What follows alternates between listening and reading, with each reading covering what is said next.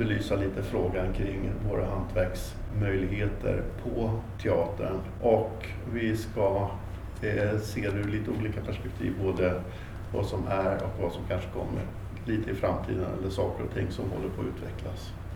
Men innan vi går in på ämnet så varsågod Henrik, en kort presentation. Tack så mycket. Jag heter Henrik Enar. Jag jobbar just eh, nu som scenchef i Skärholmen under eh, Kulturhuset Stadsteatern. Jag har tidigare jobbat på Unga Klara som teknisk chef och innan dess på Riksteatern i, i ett par år. Eh, det är min teater, teatererfarenhet hittills. Ja. Mm. Alm heter jag och jag jobbar på MDT eller Moderna Dansteatern i Stockholm. Eh, jag har tidigare jobbat på Stadsteatern och på Zebradans och turnerat ganska mycket med olika frigrupper. Och sen så 2015 så gick jag en utbildning i 3D-printning. Så att jag är lite här och pratar om det. Eh, men jag jobbar fortfarande kvar som, som eh, teknisk koordinator. Ja. Mm. Eh, jag börjar lite kort med bakgrunden till det här och vi, vi kan snabbt konstatera att genom under årens lopp så har det skett ganska stora teknikförändringar. Inte eh, jätteomvälvande, men man ser när man tittar, blickar tillbaka i historien så ser man att det har hänt en hel del inom teater, på teatersidan vad det gäller hantverkstraditionen och hur hantverksyrken har kommit till uttryck. Eh, många, en stor anledning till varför vi har så mycket olika hantverk inblandade i våra produktioner, det är dels att vi behöver ha allting som syns som dekor eh, täckt utav, eh, tillfredsställt höll jag på att säga. Vi måste framställa alla våra dekorbitar. Eh, det som tidigare började som väldigt tvådimensionell dekor. Eh, våra fonder under 1800-talet blev under senare delen av 1800-talet tredimensionell dekor som krävde att även då snickarna blev mycket mer involverade. Vi har även haft eh, kostymutvecklingen som har gått ifrån att man jobbade väldigt mycket med sin egen, egen samtida kostym till att man har ett helt eget kostymuttryck när man är på scenen. Vi har även haft förändringarna inom ljusområdet. Vi har gått från stearinljus till eh, gasljus till elektriskt ljus, vilket har gjort också att saker och ting har börjat synas bättre. Jag tänker till exempel på målad dekor som i en svag belysning måste eh, målas fram på ett visst sätt för att den ska bli väldigt synlig. Eh, och eh, när man får bättre och bättre belysningsmöjligheter så får man helt andra möjligheter att jobba med eh, subtilare färgsättning och liknande. Det här gäller ju också för mask och eh, eh färguttryck i kostymer. Eh, vi har också under årens lopp då samlat på oss en hel del av de här eh, hantverkstraditionerna inom de stora teatrarna eh, operan i vilken, vilket land som helst har engagerat yrkesgrupper såsom eh, snickare, måla, målare naturligtvis, men också skomakare, sadelmakare, eh, folk som har varit specialkunniga i att göra fina broderier eh, i allt ifrån kostymer till revärer till eh, även fanor och baner och liknande. Eh, och det här har, beroende på så att säga hur, vilken typ av eh, scenografitradition man har, så har det här kommit till olika uttryck på olika teatrar runt omkring i, i alla fall västvärlden. Men jag tänkte på mycket av det som vi ser på scenen det är ju en del av vad vi ser också i samtiden. Alltså det kommer olika scenografiska uttryck. Henrik, du nämnde att ni är nu på, på turné med en produktion där ni inte använder originalmaterialet till bara som ett exempel på hur man måste anpassa sig. Ja, så kan det ju vara. Eh, just nu är vi här och spelar The Laramie Project där vi, i, när, vi, när vi byggde den i, i Skärholmen så, så visste vi att vi inte skulle spela repertoar och vi kunde bygga in oss hur mycket vi ville. Så därför accepterade vi att vi tog in 19 ton sand på scenen som eh, skådespelarna fick gå runt i. Eh, det var ju en omöjlighet att få till 19 ton sand för eh, två, tre för, två föreställningar på ett kortare gästspel så att då får man anpassa sig. Vi fick göra andra anpassningar också. Men då, där är det, ja, för konstnärerna var det viktigt att vi hittade ett annat uttryck i detta och då försöker man göra så gott man kan. Vi eh, laborerar med många material. Mycket går ju att lösa men väldigt mycket handlar ju också om pengar. Och, och det är så starkt knutet till, till alla scenuttryck vad, vad man egentligen vill betala för det i slutändan. I vårat fall så löste vi det här med sågspån som vi har vett ner ordentligt på grund av brandrisk. Så det är det med det. Eh, jag skulle vilja koppla tillbaka lite till, du har ju varit teknisk eh, koordinator på Riksteatern. Mm. Ehm, där har ni också tagit in produktioner som har anpassats också efter olika förutsättningar. Ni har jobbat ihop med andra. Har du sett någonting som har förändrats över tid?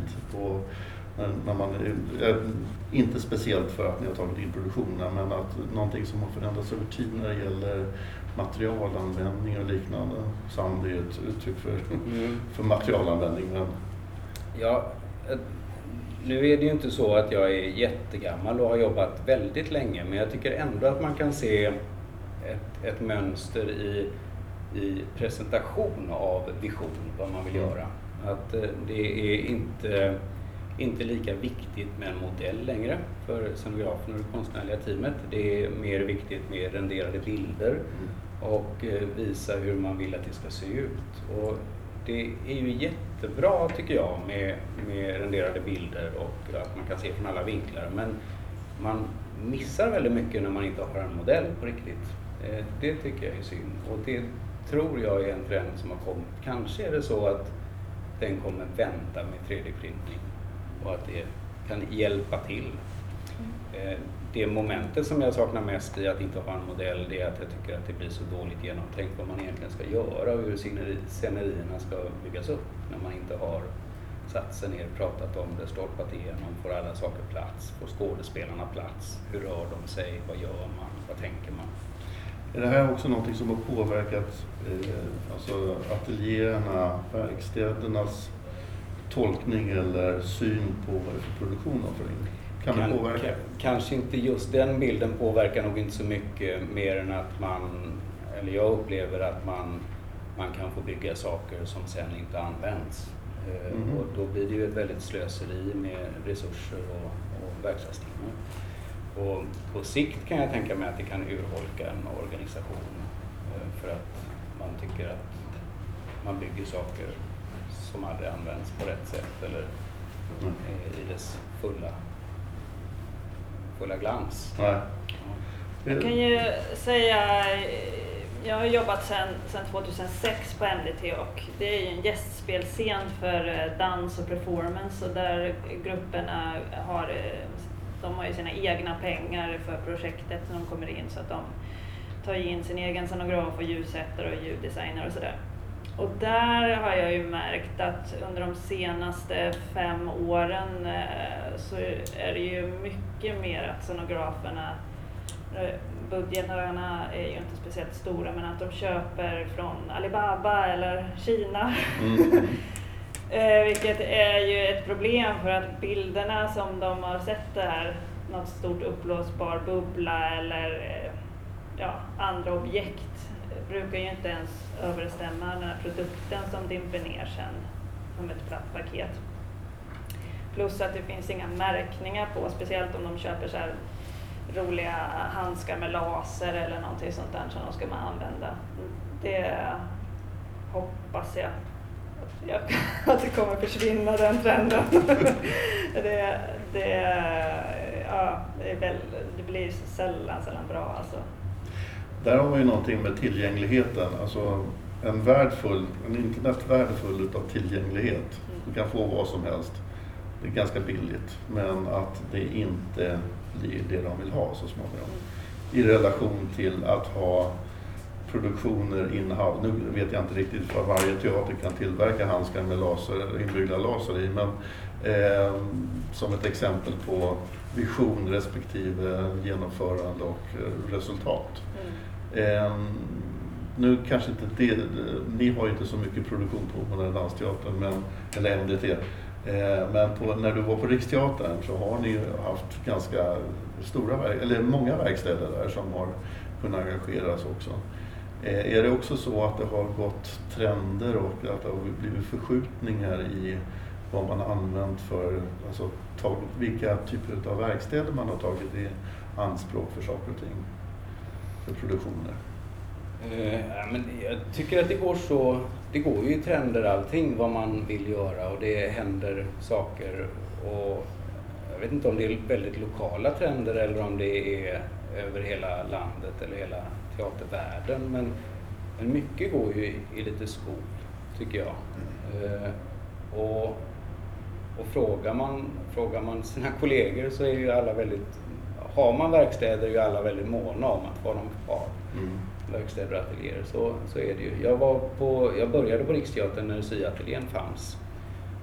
Och man var ju väldigt mån om att få ha den kvar men av olika skäl så gick det inte och man bestämde att man skulle lägga ner den. Det var ju ett jättestort tapp för Riks. Mm. Eh, och det var ju väldigt jobbigt i början att ha det så. Men, men när man hade infört interndebiteringssystemet så insåg man att det inte, någon ansåg att det inte gick att ha det på det sättet som vi hade och då, och då fick man eh, knoppa av den biten. Eh, jätte, jättetråkigt och jag tror att man ångrar sig väldigt mycket i efterhand. Och en sån sak blir så väldigt kostsam om man ska backa bandet. Och bygga, bygga upp då, det igen. Ja, då är det jättesvårt och väldigt mycket motstånd. Och var ska man ta de pengarna? Det blir produktionspengar. Och då handlar det också om att hitta kompetensen. Ja, för det, det gör det. Går förlorat. Inte, ja, den, den, går ju förlorat och, och en, en sån avdelning sprids för vinden. Nu var det några som öppnade en egen filial. Eh, och det har gått bra för dem och de anlitas mycket av Riks och av andra också, Lilla Ro. Eh, men, men skulle man nu börja om så, så har jag ju svårt att tänka att de vill backa tillbaka och hoppa tillbaka till Riks och då ska man leta den kompetensen någon annanstans. Så det är ju jättesvårt att hitta eh, den här typen av kompetenta människor som har mycket erfarenhet och kan jobba tillsammans och, eh, och driva saker vidare. Den här typen utav downsizing, om man kallar det för det. Eh, den har ju varit tidigare också. Jag menar det, eh, Sandrew hade ju egna ateljéer för kostym till exempel som försvann och då förlitade man sig på någon annan del. Eh, Oscarsteatern hade väl egna syateljéer också. Och det här försvann på slutet av 80-talet, någonstans mitten av 80-talet. Men då började man förlita sig på de som eventuellt var frilansare. Men om det hela tiden blir sådana här typer av nedskärningar så finns det till slut inga att anlita som är eh, kunniga inom, och nu pratar vi om syateljéerna, men det finns ju likadant på andra områden också. Ja, absolut. Jo, men det är ju, det är ju, har varit en trend under många år att eh, när folk går i pension så, så kommer det inte in tillräckligt med, med nya. Liksom. Utan det, inte av, eh, av det tunnas. Ja, det, av, det tunnas ut. Och nu satt jag på tåget upp här och kollade bara för att och, eh, se regleringsbrev och uppdrag och så för institutionerna i Stockholm, vad det står det för någonting. Och då står det i alla fall att Dramaten ska värna om eh, eh, som kunskapen inom ateljé och hantverkstradition och sånt där. Men jag vet att de, de sparkade ju sin, tror de kallades för, hade sad, var sadelmakare. Sadelmakare. Ja, nu under, om det var förra året eller året innan. Så det är, det är en väldigt tråkig trend som mm. är på ingång. Och sen för att knyta an det här med trender också inom teater så, så tycker jag ändå, jag hade en lång praktikperiod under min 3D-printning på Operan på deras verkstäder. Och där kunde man ju se att 99 procent i alla fall var ju stora eh, 3D-pjäs, alltså det var stora eh, objekt på scenen. Så det är ju väldigt få fonder eller eh, att man bygger upp perspektiv eller använder sig av 2D-former utan det är alltså kolosser som kommer in på, Mm. på scenerna. Vi ska komma tillbaka till eh, ditt, eh, den praktik du gjorde för att den har en liten rolig koppling till vad vi pratar om. Vi kommer till den snart. Jag tänkte på att det här med, med ja, vi är i gränslandet mellan det, det, det som har varit och det som kommer. Eh, Innan vi släpper det där med sadelmakeri. det- Vi har ju lite tur i, i Sverige för att vi har ju ett antal Eh, Vi har ganska många människor som rider, alltså behövs det sadelmakerikunskap och då finns det ju då en YH-utbildning som täcker upp den biten. Eh, Den får väl leva kvar, hoppas vi, Eh, men våran efterfrågan på teatern blir ju då mindre och mindre. Och Eh, det här att de spark, eller de väljer att inte ha kvar sin sadelmakare på eh, Dramaten är ju då ett uttryck för att efterfrågan på den typen utav eh, föremål eller tillbehör inte är så stor längre. Och det kan ju gå i hand i hand med att ändra att inte är inne just nu att ha det med i sin, eh, sin uppsättning. Eh, men det kan ju också vara ett uttryck för att man helt enkelt inte har kunskap om vad man kan eh, utföra eller vad man kan få hjälp med i, i de sammanhangen. Mm. Eh, Du nämnde också fonder. Vi har ju numera, eh, finns, fanns eh, måleriet kvar på Riksteatern? Ja. Ja, ja Men de har ju en stark konkurrens i det som heter 3D-printade, alltså Big Image-printade fonder. Eh, Och för några år sedan så fanns det en YH-utbildning, eller på den tiden var det nog faktiskt en KU-utbildning i dekormåleri. Och det var nog den sista omgången med dekormålare som utbildades. Eh, Det är liksom inte så stor efterfrågan på dem längre så att eh, jag vet inte ifall det kommer att... Det Med finns, någon en, det finns en i, i Timbro tror jag i alla fall.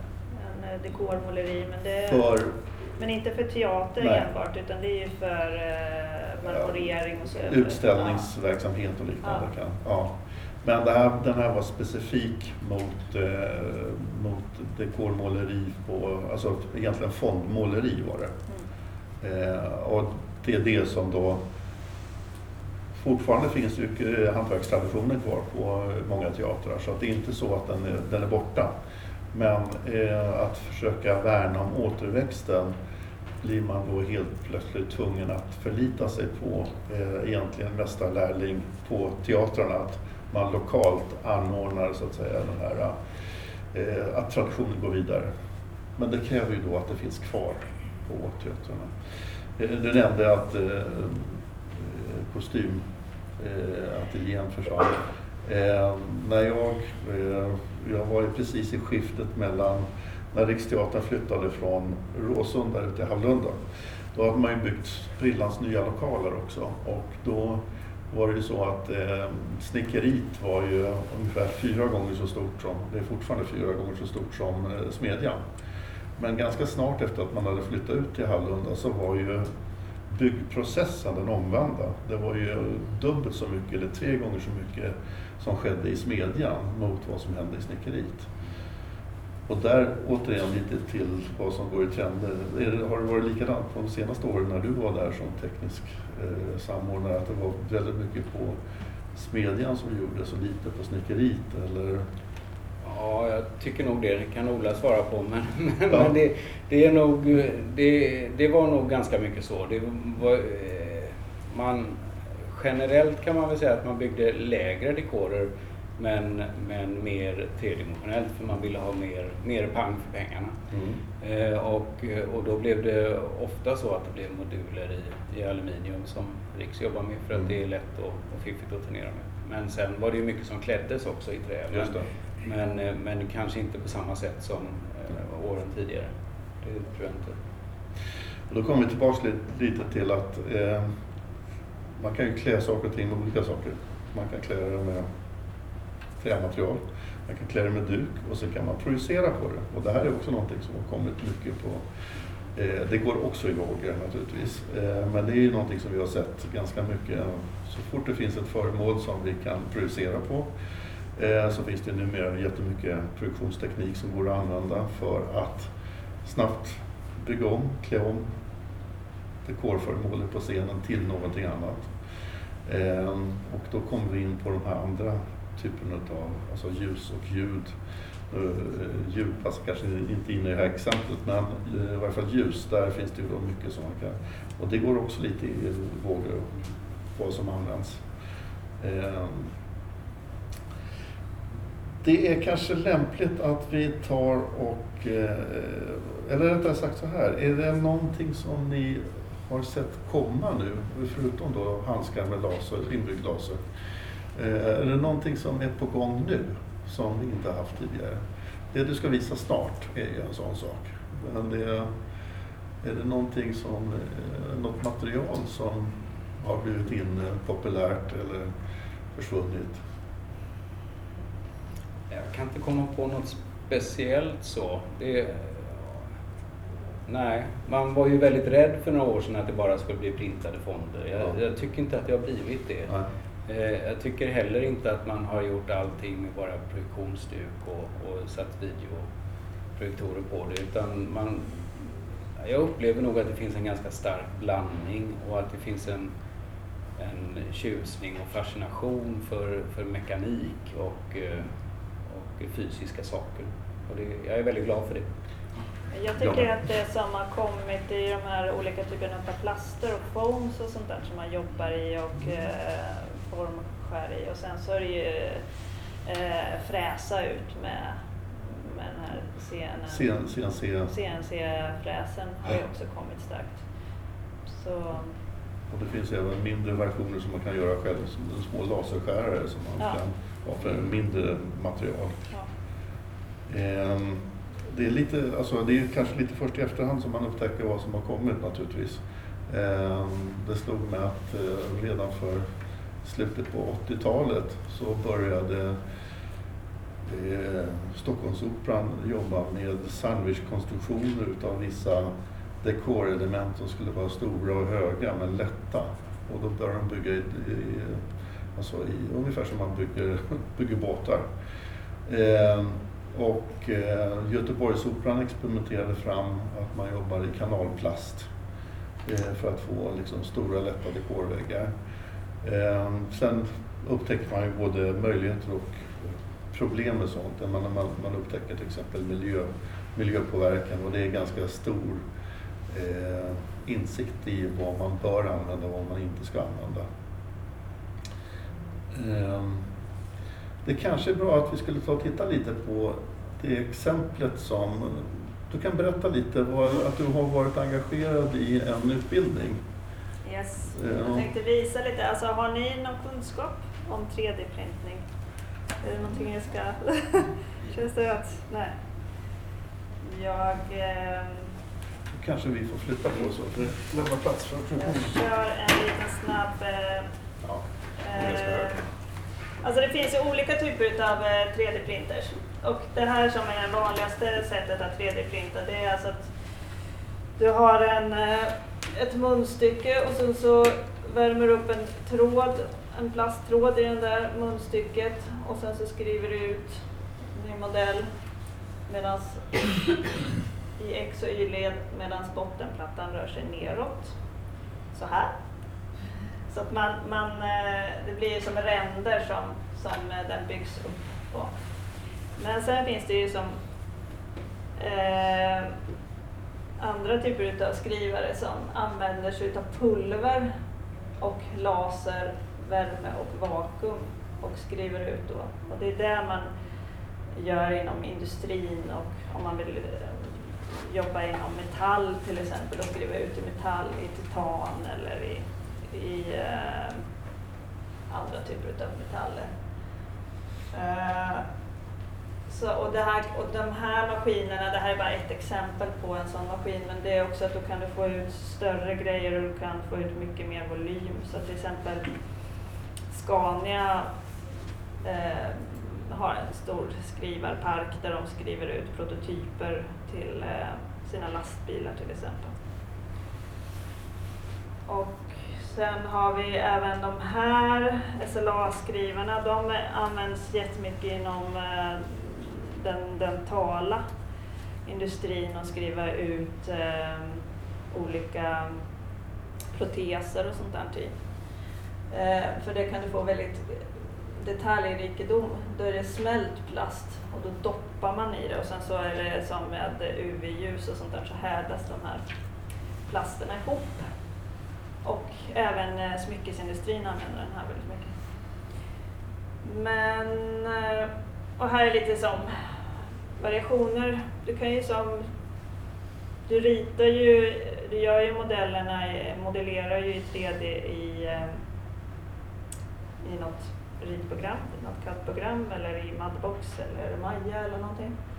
Och sen så, så kan du skriva ut. Så det där är lite vad klädindustrin har hittat på. Och ja, man kan ju som göra stolar i organiska former. Det är det som är så ballt med 3D-printning, att du kan som få eh, de här organiska, lite omöjliga formerna. Och att det finns i olika Eh, där har vi metall och sen trä där uppe. Och den där, det vad heter det, lejonet eh, ser man ju att man kan ju som 3D-printa väldigt fint så att du får fram manen i, i eh, hos lejonet. Här har jag gjort på Operan. De eh, skulle sätta upp Alice i Underlandet och sen så kom det några krocketklubbor från Danmark som de hade gjort där på Operan. Men då tyckte balletten att de där krocketklubborna var alldeles för tunga och eh, undrade hur de skulle lösa det och då sa jag att ja, men jag kan printa ut, för det var de här huvudena som var för tunga för de var gjorda i trä och eh, någon silikonplast. Så då så fotoskannade jag originalhuvudet. Så det ser man där har jag som tagit bilder från alla håll och vinklar och sen så modellerade jag upp den i, eh, i datorn och sen så skrev jag ut den på min lilla eh, skrivare där. Och sen så målade de den på, på operan. Och det blev jättebra. Tyvärr så, så eh, höll de inte. de höll hela, hela den säsongen och nästa säsong. Men den här har ju spelats både i eh, i Stockholm och i eh, Köpenhamn och i Finland någonstans och sådär. Så att jag, och det var lite för klen plast. Jag använde PLA-plast där och skulle nog varit lite sån tuffare plast. Här. Och sen så gjorde jag även eh, de här ballerinorna gjorde jag. De modellerade jag på, på frihand. Där fick jag bara ett foto på hur eh, på fyra små svanar hur de såg ut så då gjorde jag dem helt själva och sen så kunde, då ville de att de skulle vara i Barbie-storlek. Men så höga modeller kunde inte jag skriva ut på min skrivare så då så fick jag som kapa dem och skriva ut dem. Och varför de är så här massa jidder här är för att man måste ha, ha vad heter det, eh, stödmaterial så att den inte, annars så kan den inte skriva ut. Det blir fult. Eh, ja, det var lite utav det som jag har eh, gjort. Men vad jag ska säga om 3D-printning och om ni tror att hela mm mm. som hantverket kommer försvinna under 3D-printing så kan jag liksom försäkra er om att det kommer ju som, ja, under lång tid kommer det inte göra det. För det tar ju väldigt, väldigt lång tid att få fram en eh, sån bra modell. Ehm, så det krävs ganska många års kunskap innan man som kan göra det snabbt. Speciellt om man jobbar med, med det här formatet. Jobbar du med de här stora printrarna så, så går det ju snabbt det som är fördelen med 3D-printern är att du kan få organiska former som är svårt kanske att tillverka på ett annat sätt. Eller eh, att de också kan jobba när du har fått hem de där 3D-printrarna. Du kan som sätta på den där och sen så kan den stå över helgen och tillverka. Får jag koppla tillbaks till din, eh, dina flamingo? Nej, vad var det? Ja. Jo. Ehm, Det som är möjligheten där, det är ju att var, du fick uppgiften, det behövdes ett lättare material. Det var det ena. Ehm, För, redan för 30 år sedan, om vi går tillbaka i tiden, så fanns ju de här plast, eh, vak, vakuumplastmaskinerna som gjorde att man kunde göra, man skulle kunna ha gjort det i det, hade inte alls blivit så snyggt, det hade inte blivit så hållbart, det hade blivit mer prop fake, alltså rekvisita fake. Det hade varit väldigt tydligt. De här var ju väldigt, de, du jobbar ju själv i en dansarmiljö, du vet hur tufft det kan vara med material i dansarmiljön. Eh, så att eh, det var väl ett eh, fantastiskt att de överlevde ändå i, vad sa du, tre, tre säsonger innan, det, Ja. innan Alltså de fick stryk. Ja, men det, Ordentligt. det handlar ju mer om att, att jag tog mig platsen och sa så här, för- de var ju som inne på hotellger de där i balsaträ och då sa jag, men hallå jag kan, jag kan göra ett test här. Mm. Mm. Eh, så- och, sen, och då sa de, kan du fixa de här liksom, fem huvuden till på måndag? Ja, det kan jag. Så då, då hann jag inte riktigt få tid, men det är ju också i många av de här CAD-programmen kan du ju som få vart är det, datorn räknar ut vart är det eh, som hållbarhetsbrister och sånt där. Ja. Och då hade ju kunnat sitta, eh, om jag hade haft lite mer tid och gjort det mer hållbar på vissa ställen. Det Men, lite eh, komiskt när du säger att du fick till på måndag på det. Hade de klarat att tälja fem stycken i balsaträ Ja, till på tror jag. måndag? Ja, det tror jag nog. Det är liksom- snabba. Ja, sen får man utgå från att det måste också kasseras och det måste också be- utbehandlas Ja, på något sätt. Ja. Att, eh, men det visar ju lite på både möjligheten och eh, så att säga lite det du visade också på materialen. Alltså materialkännedomen. Dels behöver man ha erfarenhet av ett par sådana omgångar och testat materialet i, i riktiga produktioner för att säga ja, nu ska jag välja den typen av plast eller den typen av plast. Mm. Ehm, så sent som igår så var det faktiskt ett ganska intressant exempel på TV. Det handlade inte alls om teater, det handlade om att eh, man, eh, jag tror att det var en, en, eh, en, eh, en sömnadsutbildning i Borås, jag missade starten på det. De eh, tyckte att det var så få mä- riktigt människolika eh, dockor, alltså skyltdockor, som fanns. Så att de eh, hade startat ett projekt där de skannade vanliga människor med alla bildringar och allting. För att få liksom, eh, riktiga prov, inte provdockor, skyltdockor som kunde visa rätt storlekar, rätt klädstorlekar. Det började med att eh, hon som ledde projektet var, var filmad och pekade på en skyltdocka och sa Ja, min åttaåriga dotter har en midja som är det där men ingen normal eh, vuxen kvinna har den midjestorleken egentligen. Eh, och sen så tog de då in män, kvinnor, allas för att liksom få de här riktiga kropps eh, riktiga kropparna att eh, vara i skyltfönstren. Eh, det är ju naturligtvis ett projekt som kanske inte helt uppskattas utav av eh, kostymindustrin som gärna framställer människan på ett annat sätt. Men det är ett exempel på hur man, alltså man kan, sådana skyltdockor är otroligt dyra. De är fruktansvärt dyra. Nu blev det ju inte billigt att göra det här i 3D-skanning, men de gjorde eller 3D-printning. Och då gjorde de precis som du inledde med ditt. De fotoskannade personerna, satte ihop dem och sen så delade de ner det i mindre bitar som de satte ihop till eh, riktiga skyltdockor. Så det är ett exempel på att det inte bara är inom eh, teatervärlden som det här kan vara tillämpbart. Men det, det jag tyckte som var 3D-printningen som stora vinning inom, inom teater, det är ju för modellbygge. Att du kan som eh, göra skalenliga modeller. Och jag kunde ju också printa ut för att vi fick ritningar och material från en scenograf på, på något staket eller vad det var för någonting som vi skulle, och då var det om det skulle vara avfasade fyrkantiga sådana här Ribbor Ribb, ja, eller pelare, vad, det heter någonting annat. Eh, eller om de skulle vara rundade och då kunde jag ju som skriva ut två varianter och så kunde hon som peka på det. Så det, det tror jag är som en jättebra användning eh, till att börja med i alla fall. Innan priser och sånt där har gått ner på Vi har ju ett antal scenografer som verkligen gör, lägger stor möda kring att göra riktigare modeller för att visa. Och naturligtvis istället för att sitta och karva ut sin egen lilla stol i fem versioner mm. så är det här naturligtvis ett snabbare sätt att jobba på. Eh, men det finns också exempel på människor, eller eh, en hel del personer som väljer att gå via handen för att forma det slutliga uttrycket.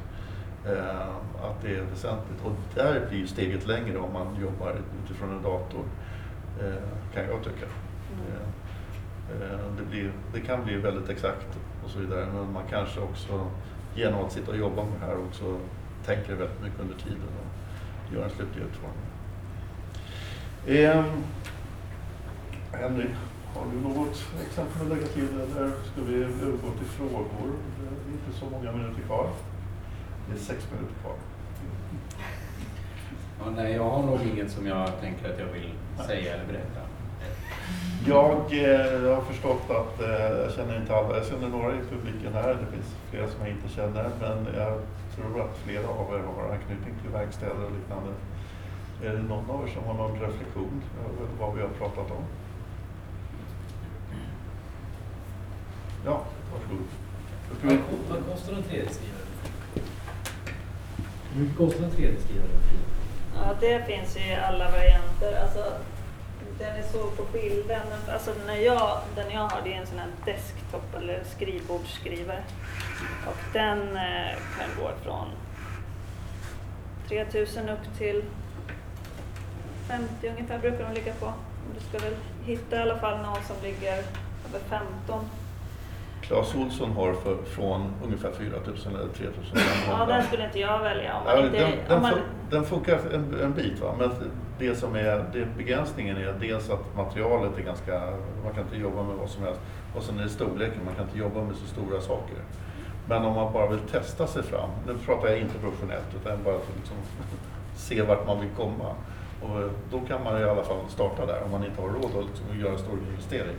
Nej, men också så finns det ju som ett helt community utav folk som vill eh, som bygga sina 3D-skrivare själva och man bygger materialet och sådär. Och, och som tycker man att det är kul att grotta ner sig i, eh, i eh, tekniken, då kan man ju komma undan ganska lätt med, och det finns mycket som öppna eh, program och sånt där.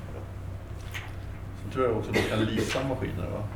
Alltså man Nej, inte, köpa- inte som privatperson, men Nej, som, företag, företag. kan du göra. Och speciellt de här som stora burkarna, de är ju nästan Ja. bara leasingavtal på. Ja. Som, för det går ju över hundratusentals kronor och upp till miljoner. Så det leasar man per år. Jag har en fråga. Ja.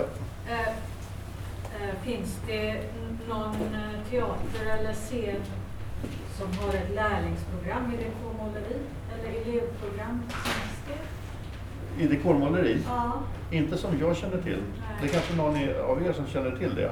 Eh, alltså, det jag pratade om, det var Anna-Lena Hansen som hade det, ja det är mer än tio år sedan nu.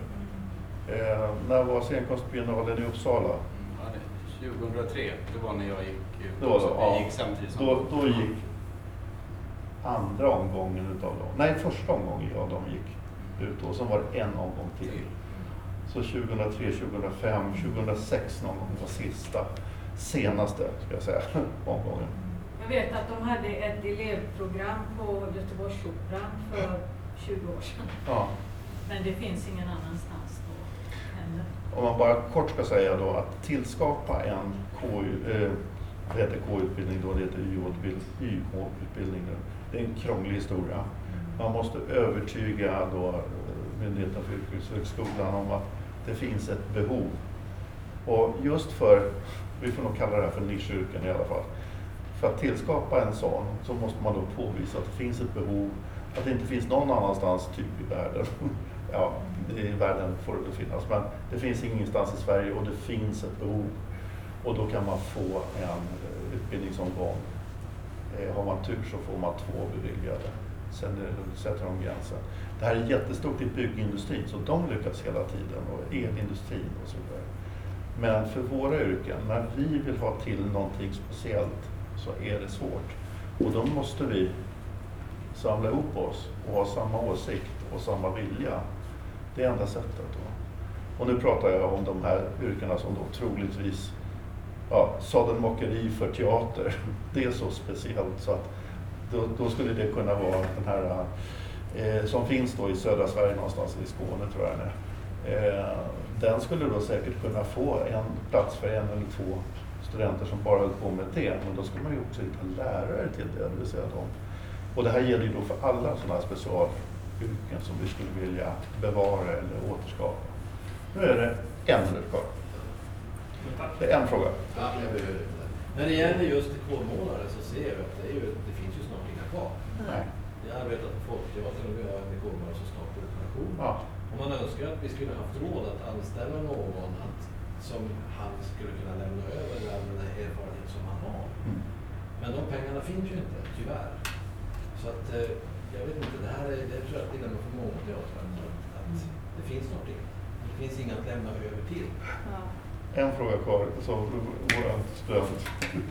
Ja, hej. Eh, jag heter Sera, jag går kostymdesign på Stockholms Dramatiska högskola. Och eh, min tanke kring det, för det har varit väldigt mycket så här, "Åh, det där försvinner och det är sorgligt och allt är hemskt. Eh, men att, eh, att man som, i alla fall jag som då är ganska ny, eh, skulle behöva ha ett jag skulle vara väldigt intresserad av att komma till teater och få veta vad det finns för möjligheter där för att jag som konstnär också ska kunna använda mig av det som finns för att Precis. skapa behovet av att det finns kvar eller att man då eventuellt tar in nya. Men jag är ju också uppvuxen, alltså även om jag kan mycket inom teater så är det, är det ju inte konstigt att man beställer från Alibaba för att jag är en internetgeneration och Ja. där jag kan liksom ehm, det hade varit intressant om man på teater hade kunnat skapa någon form av kommunikation mellan de konstnärliga team som kommer och någon form av presentation från teatern. Jag vet att det finns lite tid, men eh, så att jag vet vad en sadelmakare kan göra. Just det. För att om jag inte vet det så är det Man vet inte vad man ska kanske blir fråga efter. H&M eller alltså, ja men ni fattar. Mm. Kul. Så, Det får bli sista ordet. Så stort tack för att ni var här och stort tack till Katrin. Mm.